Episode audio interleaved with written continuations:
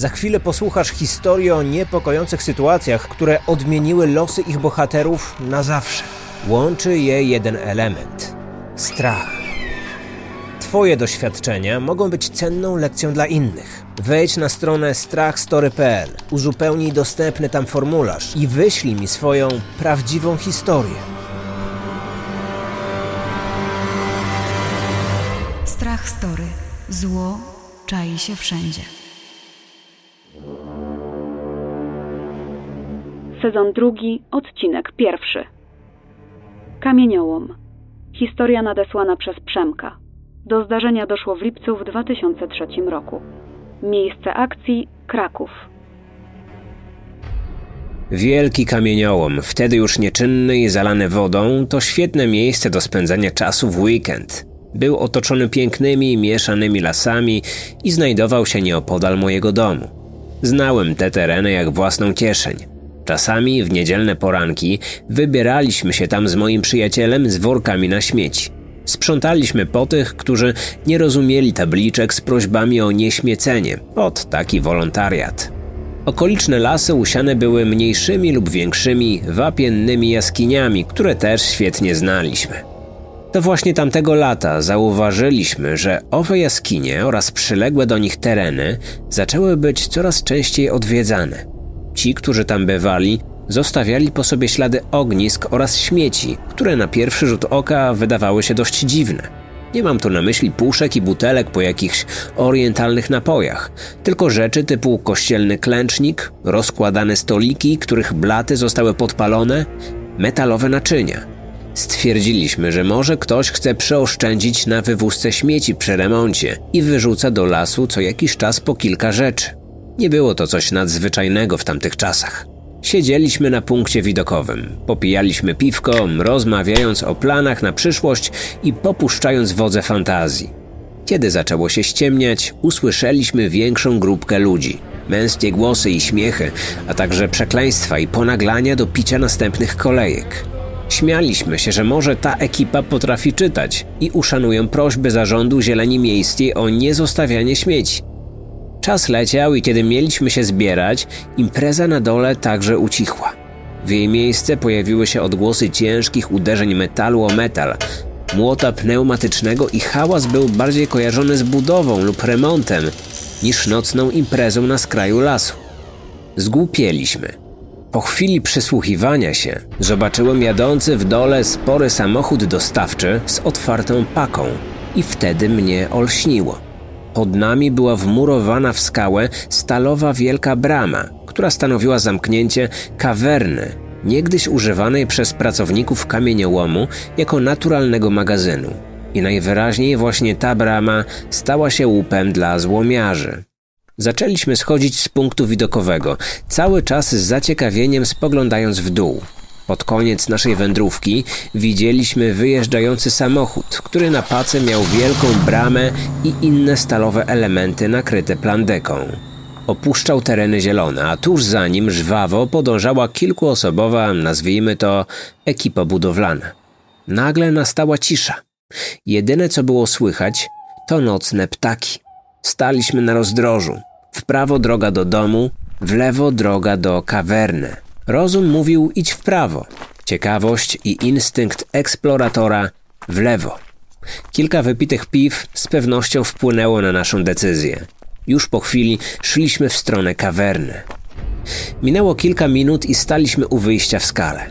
Czuć było jeszcze zapach spalonych tarcz ze szlifierek kątowych, którymi ekipa cięła zawiasy, a na ścieżce było pełno gruzu i błota, ale widok był zniewalający.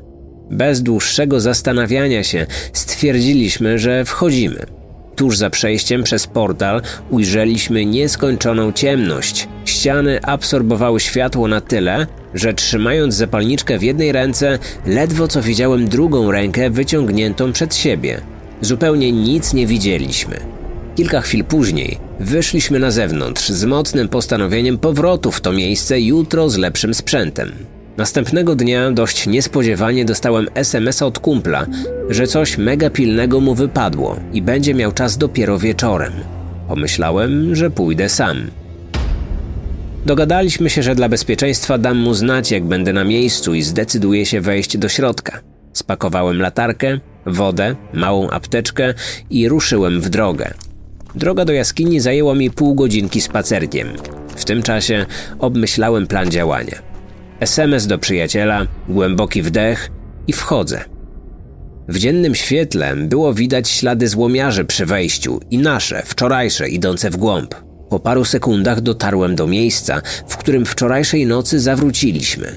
Był to idealny moment na włączenie latarki, ponieważ światło dzienne kończyło oświetlanie tunelu przede mną właśnie w tym miejscu. Szedłem powoli, oglądając ściany, na których widniały napisy po polsku, opisujące miejsca składowania różnych materiałów. Po kilkunastu metrach ciemność była nieprzenikniona i nie widziałem już absolutnie nic prócz miejsc oświetlanych latarką. Echo moich własnych kroków zaczęło dudnić tak mocno, że byłem przekonany, że dookoła mnie chodzi co najmniej dziesięć osób. Odczekałem chwilę, aż dźwięk się rozproszy i poszedłem dalej. Po chwili doszedłem do rozwidlenia. Droga w lewo była krótka, natomiast w prawo ciągnęła się w ciemności. Nie będę opowiadał może o wszystkim, co znalazłem i widziałem. Typowe pomieszczenia wykute w skale, ściany uzbrojone betonem lub cegłą, stare skrzynki, pudła, jakieś biurko i krzesło, pozrywane kable. Spojrzałem na zegarek. Była 19.30. Telefon pokazywał jedynie komunikat No Signal.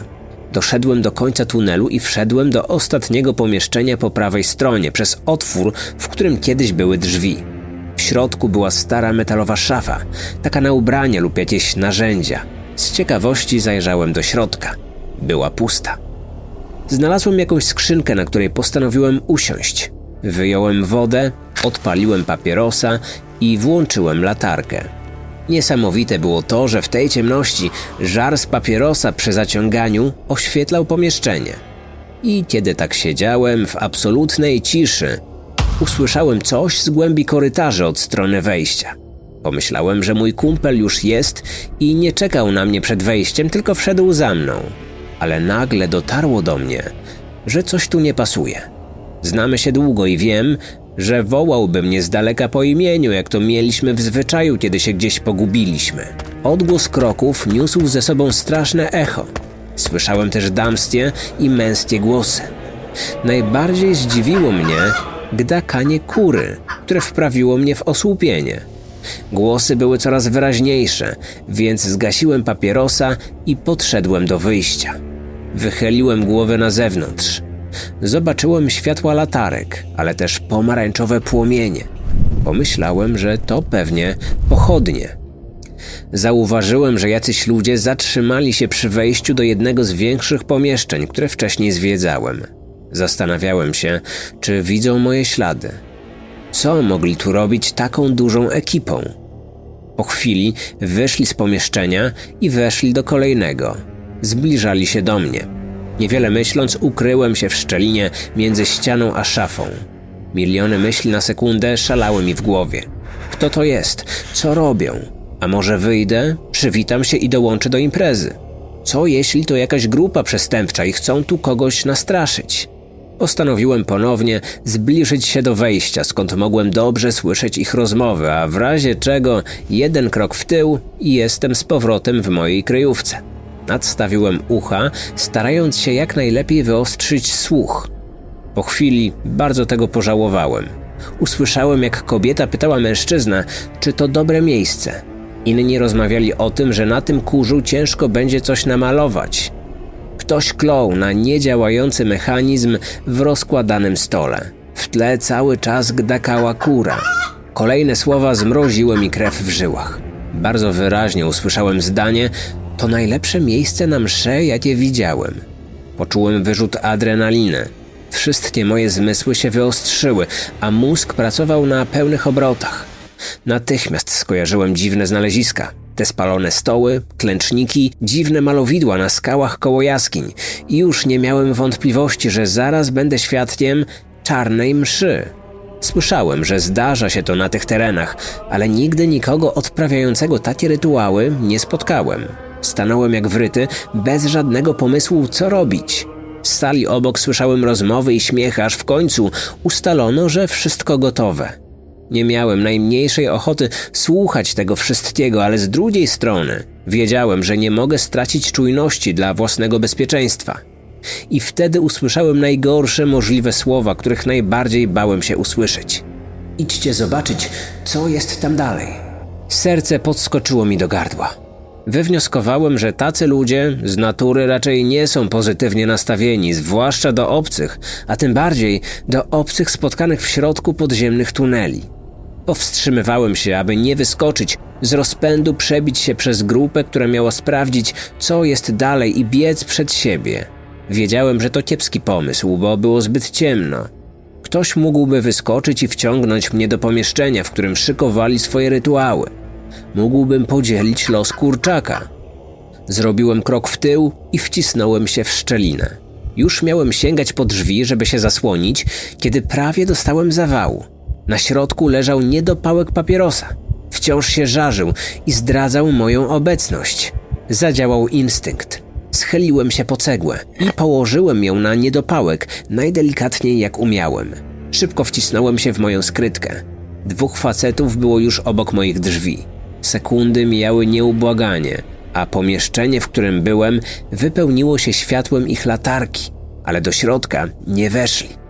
Jeden z nich stwierdził, że to chyba jakiś kibel, drugi wyrzucił swój niedopałek po papierosie i poszli dalej. W myślach podziękowałem stwórcy, że jeden z nich palił i dzięki temu nie wyczuli dymu.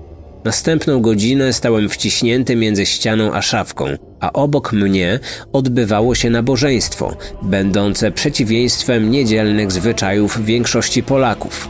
W tym momencie poczułem zapach spalenizny, palone drzewo i nie tylko. I wtedy naszła długo wyczekiwana chwila. Korytarze wypełniły się dudnieniem kroków, odgłosami śmiechów i rozmów. Kiedy kroki w oddali ucichły, a echo zamilkło, wyszedłem z za szafy. Na zegarku zobaczyłem dwudziestą drugą. Stwierdziłem, że wychodzę. Powoli, jak najciszej, szedłem korytarzami, zasłaniając co chwilę latarkę w obawie, że ktoś jednak został i zaraz mnie zobaczy. Pomieszczenie, które przed chwilą było pełne ludzi, teraz pogrążyło się w ciemności. Żarzące się resztki stolika, klęcznik i malunki na podłodze i ścianach zdradzały, co się tu przed chwilą wydarzyło. Powoli pokonywałem metry za metrem, aż wyszedłem na ostatnią prostą. W końcu odetchnąłem świeżym powietrzem, ale nie cieszyłem się zbyt długo. Tylko od razu zacząłem biec. Zatrzymałem się dobre trzy kilometry dalej. Usiadłem na ławce i próbowałem ogarnąć to, co się stało. Wtedy pomyślałem o moim kumplu. Wyjąłem telefon, który w tym czasie złapał zasięg i zobaczyłem dwa SMS. Pierwszy od sieci z informacją, że mojej wiadomości do kolegi nie udało się dostarczyć. Pewnie kiedy ją wysłałem, nie miałem już zasięgu. Drugi był właśnie od kumpla. Pisał, że skoro się nie odzywam, to pewnie strach mnie obleciał i wróciłem do domu.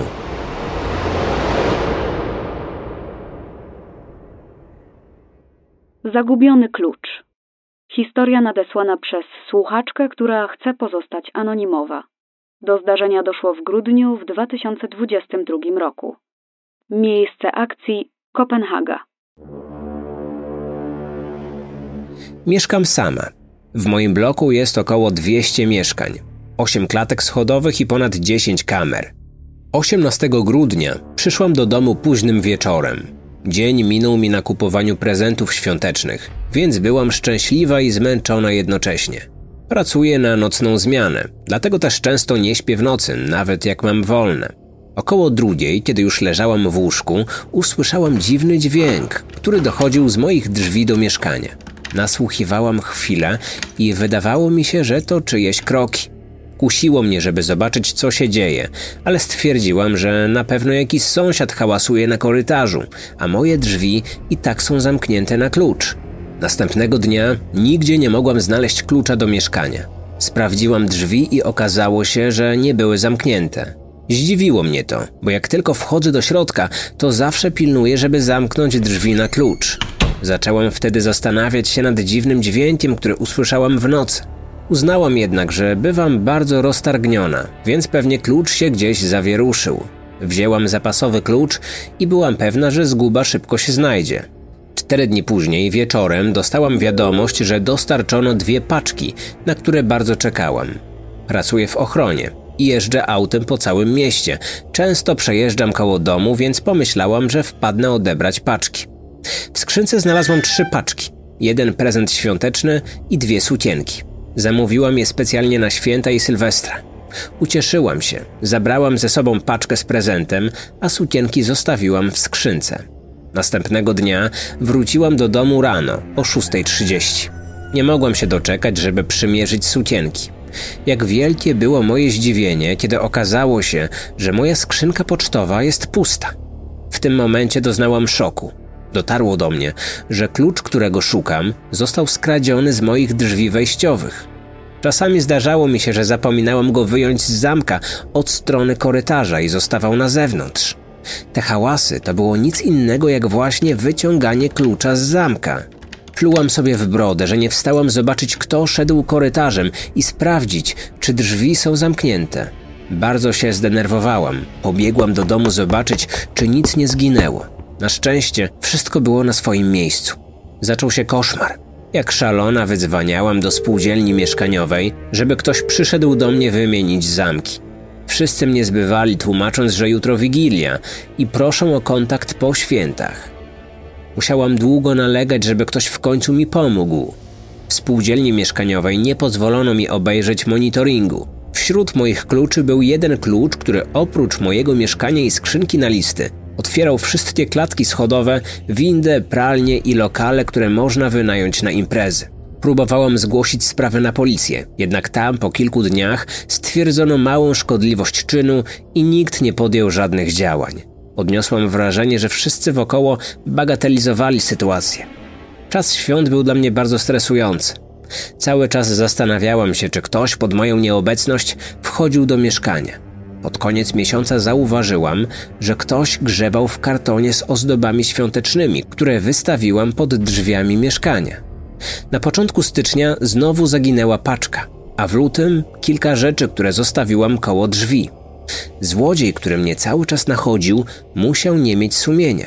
Ja tylko wiem, ile nerwów kosztowała mnie ta cała sytuacja. Ciągle myślę, czy ktoś mógł wejść do mojego mieszkania, kiedy spałam. Wszystkie utracone paczki i wymiana zamka to kilka tysięcy złotych. Najbardziej przykro mi z powodu zachowania policji, która zlekceważyła sprawę. A może gdybym zobaczyła monitoring, to rozpoznałabym któregoś z sąsiadów. Już nie zamawiam paczek do domu. Teraz, dopóki nie sprawdzę drzwi i nie upewnię się, że mam klucz, nie zasnę. Nauczyłam się słuchać swojej intuicji. Gdybym wtedy wstała i wyjrzała na klatkę, być może spłoszyłabym złodzieja.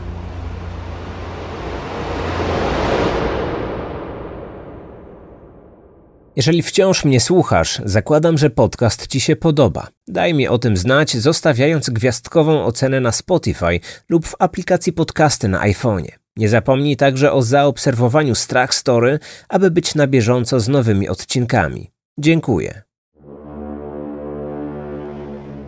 Strach Story. Posłuchaj o tym, czego nie chcesz doświadczyć. Pasażer z taksówki. Historia nadesłana przez słuchaczkę, która chce pozostać anonimowa. Do zdarzenia doszło w sierpniu w 2007 roku. Miejsce akcji województwo zachodniopomorskie. Pochodzę z niewielkiej nadmorskiej miejscowości. Pracuję jako kierowca taksówki w firmie, która kiedyś należała do mojego ojca. W pracy spotykam najróżniejszych ludzi, lecz nigdy nie zapomnę tego, co wydarzyło się latem 2007 roku. Dzień zaczął się jak każdy inny. Wstałam rano, wzięłam szybki prysznic i pojechałam na pobliską stację paliw kupić coś do jedzenia. W kolejce do kasy pewien wysoki, młody mężczyzna zapytał, czy to ja przyjechałam taksówką i czy mogłabym go podwieźć do popularnego klubu w mieście. Oczywiście się zgodziłam, odpowiadając żartobliwie, że my, taksówkarze, jesteśmy zawsze do usług. Droga od stacji benzynowej do klubu trwa 5 minut. Żeby uniknąć niekomfortowej ciszy podczas kursu, staram się zawsze jakoś zagadać. Tak też było tym razem. Zapytałam mojego pasażera, jak się nazywa i gdzie pracuje. Przedstawił się jako Kacper. Uścisnął mocno moją dłoń. Drugie pytanie zignorował. Po krótkiej chwili sam zaczął zadawać mi dość dziwne pytania, typu gdzie mieszkam, co lubię robić i czy mam chłopaka. Zaskoczył mnie i zaczęłam mu odpowiadać bardzo ogólnie. Trochę przy tym kłamałam. Gdy dojechaliśmy na miejsce i Kacper wysiadł, zaczęłam się zastanawiać, dlaczego ten mężczyzna chciał dostać się do klubu o dziewiątej rano, skoro otwierają go dopiero o osiemnastej. Po paru godzinach znów do mnie zadzwonił. Tym razem chciał dostać się na plażę. Zaskoczył mnie, że zadzwonił z lokalizacji jakieś 5 kilometrów od zamkniętego klubu. Mimo wszystko pojechałam po niego. W trakcie jazdy czułam się przesłuchiwana. Pytania, które zadawał, były nie tylko osobiste, lecz miały też podtekst seksualny. Interesowało go, czy lubię włosy na klatce piersiowej oraz ilu partnerów miałam. Droga na plażę była długa, a do tego w okresie wakacyjnym były korki. Miało więc czas na zadawanie mi wielu pytań. Męczył mnie. Najchętniej bym go wyrzuciła z taksówki, ale bałam się być dla niego niemiła. Odpowiadałam na wszystkie pytania wymijająco, aby choć w pewnym stopniu zniechęcić go do zadawania kolejnych. Gdy dojechaliśmy na miejsce, odetchnęłam z ulgą, że to już koniec podróży. Niestety myliłam się. Chwycił mnie swoją zimną ręką za ramię i poklepał, jakby chciał mnie uspokoić. Wewnętrznie spanikowałam, ale nie chciałam dać tego po sobie poznać. Kazałam mu zapłacić i wyjść z samochodu. Powiedziałam, że się spieszę. Po tym incydencie wróciłam do domu, żeby zrobić sobie przerwę. Zadzwoniłam do mojego taty, który właśnie wracał do domu. Opowiedziałam mu o Kacprze. Okazało się, że tata również go wiózł tego samego dnia, tylko że jemu przedstawił się jako Sebastian. Mój tata opisał mi dokładnie jego wygląd, przez co byłam pewna, że mówimy o tym samym człowieku. Chwilę później zablokowałam numer telefonu, z którego ten dziwny pasażer do mnie wcześniej zadzwonił. Gdy wieczorem wróciłam do pracy, zapomniałam całkowicie o wcześniejszej sytuacji. Wszystko zmieniło się koło 23, gdy zadzwonił do mnie nieznajomy numer. Bardzo się zdziwiłam, gdy w telefonie usłyszałam głos Kacpra. Skłamałam, że skończyłam pracę na dzisiaj i nigdzie nie mogę go zawieść. Gdy się rozłączyłam, zobaczyłam go 100 metrów od mojego samochodu. Szybko zawróciłam. Dwa tygodnie później usłyszałam, że w okolicy został złapany gwałciciel. Z wyglądu bardzo przypominał człowieka, którego tamtego dnia woziłam. Odczuwałam pewien niepokój, który chyba już mnie nie opuści. Od tej sprawy minęło już prawie 16 lat. Choć nigdy nie widziałam mojego pasażera ponownie, to jestem przekonana, że jest już na wolności. Obawiam się, że mogłam mu pomóc się przemieszczać i to ja go zawiozłam do jego ofiary. Chyba nigdy już się tego nie dowiem. Chciałabym przestrzec wszystkich, którzy mogą się znaleźć w podobnej sytuacji. Nie podawajcie nigdy nieznajomym szczegółowych informacji na swój temat, szczególnie takich jak miejsce zamieszkania. Nigdy nie wiecie, jak druga osoba może je wykorzystać.